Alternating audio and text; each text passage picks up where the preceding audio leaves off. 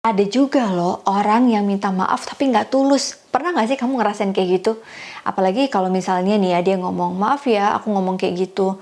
Tapi hmm, aku tuh tadi tuh sebel banget sama kamu. Kok bisa kayak gitu sih gitu? Jadi minta maaf tapi tetap nyalain kita gitu. Sepanjang hidup kita pasti selalu ada momen sulit untuk memaafkan atau dimaafkan. Dan berhubung ini masih dalam bulan suci Ramadan, aku pengen ngucapin mohon maaf lahir batin buat teman-teman semuanya penonton Alsa Channel yang mungkin dalam kata-kata aku, konten analisa uh, channel di menganalisa maupun konten-konten segmen lain, itu ada sesuatu yang nggak nyaman buat kalian dan sampai um, membuat teman-teman jadi tidak nyaman ya kosong-kosong ya. Dan kali ini aku akan ngebahas tentang bagaimana sudut pandang psikologi bicara soal memaafkan tanpa melupakan. So, kamu kalau lagi berkutat dengan kata memaafkan, kamu ada di dalam episode yang tepat. Kita akan bahas di episode kali ini. Assalamualaikum semuanya, semoga semuanya sehat. Di dalam psikologi itu ada konsep yang disebut dengan forgiveness. Mungkin kita masih merasa sulit ya untuk bisa memaafkan orang lain.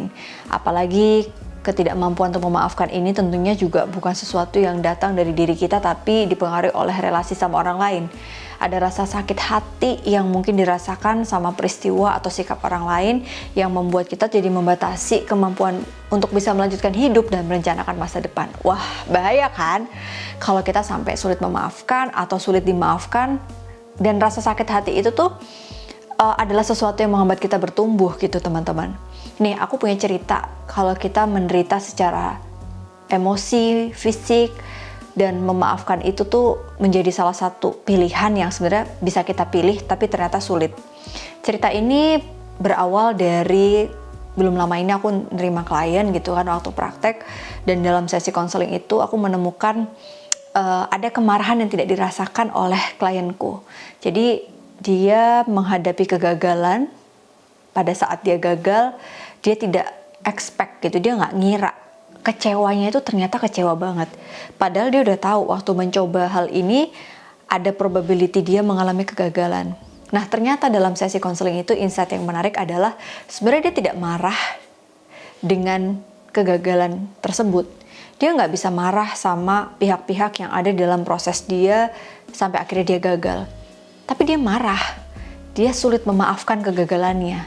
Waktu di apa ya mundur ke belakang gitu aku minta dia cerita tentang family background orang tua dan lain sebagainya ternyata ada satu kemarahan yang dia tidak sadari yang terjadi relasinya itu antara dia dengan orang tuanya jadi singkat cerita akhirnya pada saat itu aku meminta dia untuk melepaskan perasaan dan pikiran yang dia punya gitu di situ ada kebencian ada kepahitan ada kemarahan dan keinginan untuk balas dendam dan itu ternyata sesuatu yang membuat dia nggak nyaman.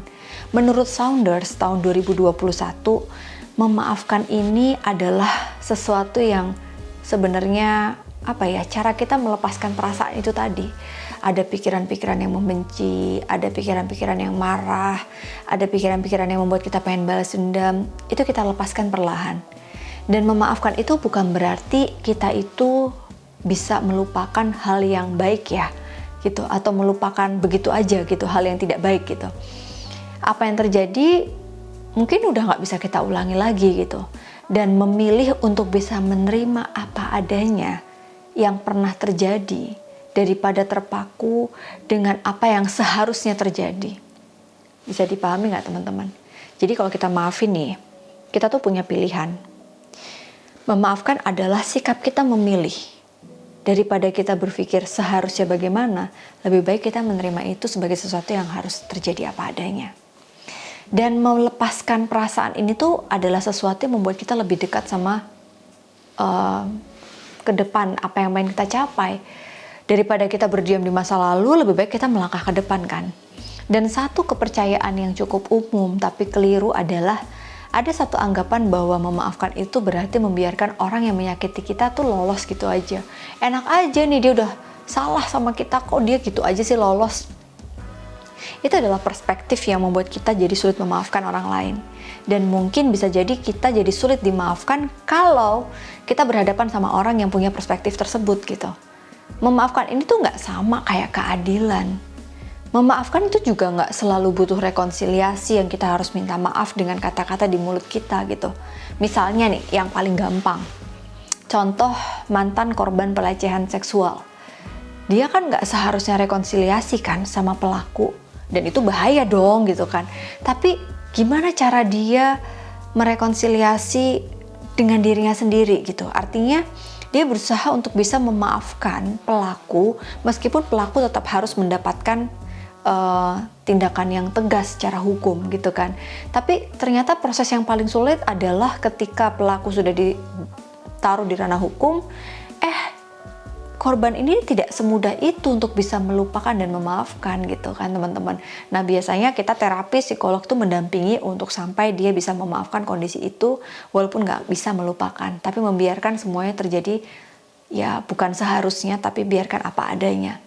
Ada sebuah penelitian yang juga menemukan bahwa seseorang yang dapat memaafkan orang lain maupun peristiwa yang telah menyakitinya akan lebih mudah baginya untuk melupakan detail-detail terkait dengan peristiwa tersebut. Jadi artinya ini juga bisa menjadi terapeutik ya, ter, uh, terapi untuk mereka korban trauma terkait dengan uh, tindakan kejahatan atau pelecehan tadi gitu.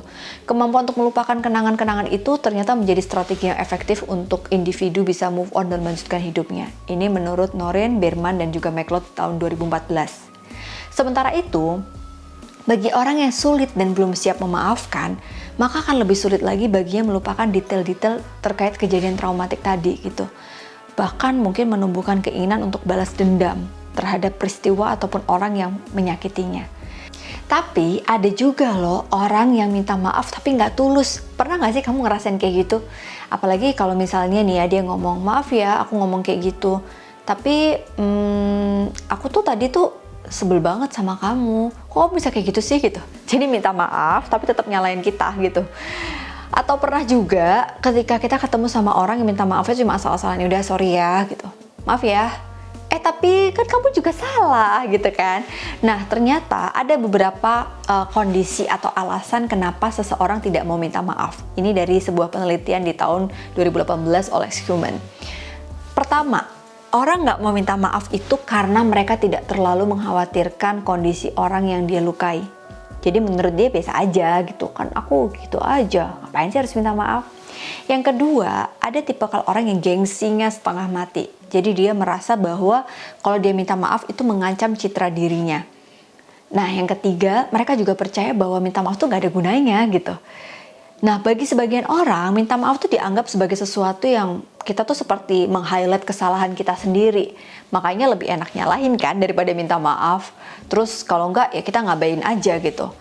Tapi kalau kita ada di posisi ini, maka bisa jadi kita juga sulit mentoleransi kesalahan diri kita, teman-teman.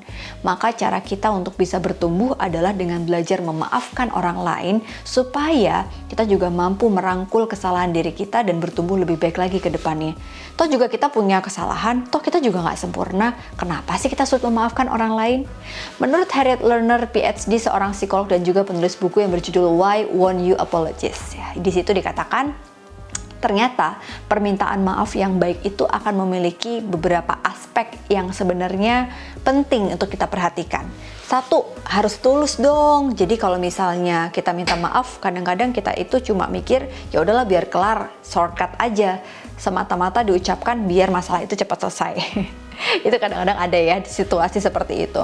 Yang kedua, kita minta maaf tapi pakai kata tapi maaf ya kemarin aku begini tapi kan kamu juga salah. Nah kata tapi ini tuh kayak deket banget sama kata maaf yang membuat orang tuh jadi ngerasa lu tulus gak sih minta maaf atau mau nyalain gitu kan. Nah yang ketiga minta maaf itu harus fokus sama tindakan diri kita bukan sama tindakan orang lain. Jadi misalnya aku minta maaf ya karena kamu tuh sakit hati sama apa yang aku omongin semalam. Jadi bukan bukan apa ya itu bukan permintaan maaf. Tapi kalau kita pengen ganti lebih tulus lagi, aku minta maaf ya sama apa yang aku ucapin tadi malam, apa yang aku bilang ke kamu itu emang salah. Aku tahu kok tindakan gue ini salah, jadi aku minta maaf ya. Nah daripada kita ngomongin uh, yang pertama gitu ya tentang aku minta maaf ya soalnya kamu sakit hati sama apa aku omongin. Itu kan kita fokusnya pada perilaku orang lain kan. Nah lebih baik kita fokus terhadap apa yang kita lakukan. Nah yang keempat adalah permintaan maaf itu yang tulus tidak terpaku dengan siapa yang harus memulainya. Aku juga selalu ditanamkan dari kecil untuk belajar meminta maaf lebih dulu. Mungkin kesalahan kita hanya 30% dari kejadian tersebut gitu tapi dengan mengatakan aku minta maaf atas kesalahanku dalam hal ini, itu membuat kita bisa lebih baik lagi dan bertumbuh menjadi pribadi yang lebih bijak. Nah yang kelima, permintaan maaf itu tidak baik kalau kita memaksa untuk cepat-cepat dimaafin. Maaf ya, kalau orang masih marah kita maksa mulu gitu kan. Ya wajar sih namanya minta maaf pasti pengennya dimaafin segera.